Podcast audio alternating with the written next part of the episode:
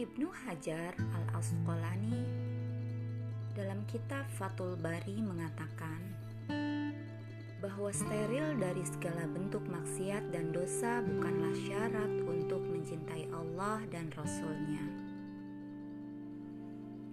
Dalam hadis riwayat Imam Bukhari dikisahkan tentang seorang sahabat Rasulullah Shallallahu Alaihi Wasallam bernama Nuaiman yang gemar mabuk.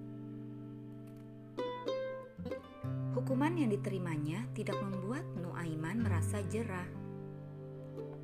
Dan ia mengulangi lagi perbuatan buruknya itu. Hingga para sahabat lainnya pun mencacinya.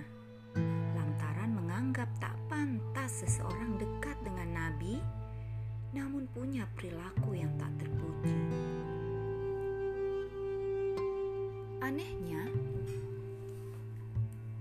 sang Nabi malah membelanya. Seraya menegur para sahabatnya yang bersikap kasar terhadap Nuaiman.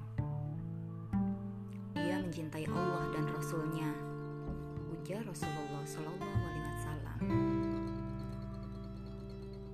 Saya mendengar kisah tersebut merasa tak sanggup menahan air mata haru. Saya menjadi semakin optimis dan bersyukur banyak dosa, masih saja terbuka peluang diperkenankan untuk mencintai Allah dan Rasul-Nya. Akhirnya, timbul pula kepasrahan di hati.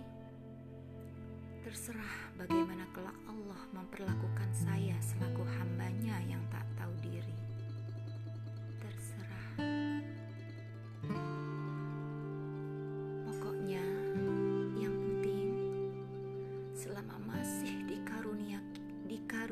Kesempatan untuk bersujud dan mencintainya, maka hal itu merupakan anugerah yang besar bagi saya.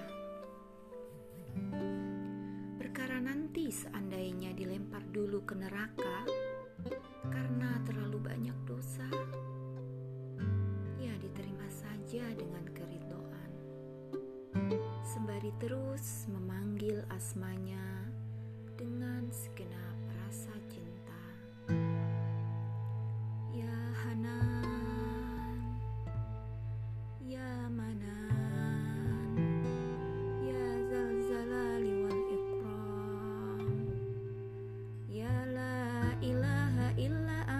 subhanaka inni kuntu minal zalimin. Tapi mohon jangan salah paham saudara.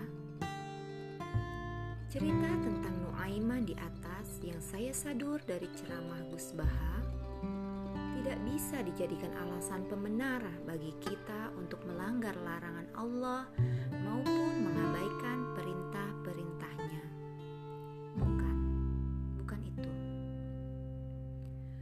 Substansi yang ingin saya kemukakan di sini adalah mengenai luasnya rahmat Allah, sehingga kita sebagai hambanya tidak boleh berputus asa. Seburuk apa pun situasi yang tengah dihadapi, serta pada akhirnya mau meninggalkan kemaksiatan karena didorong rasa malu dan cinta kepadanya, bukan sebab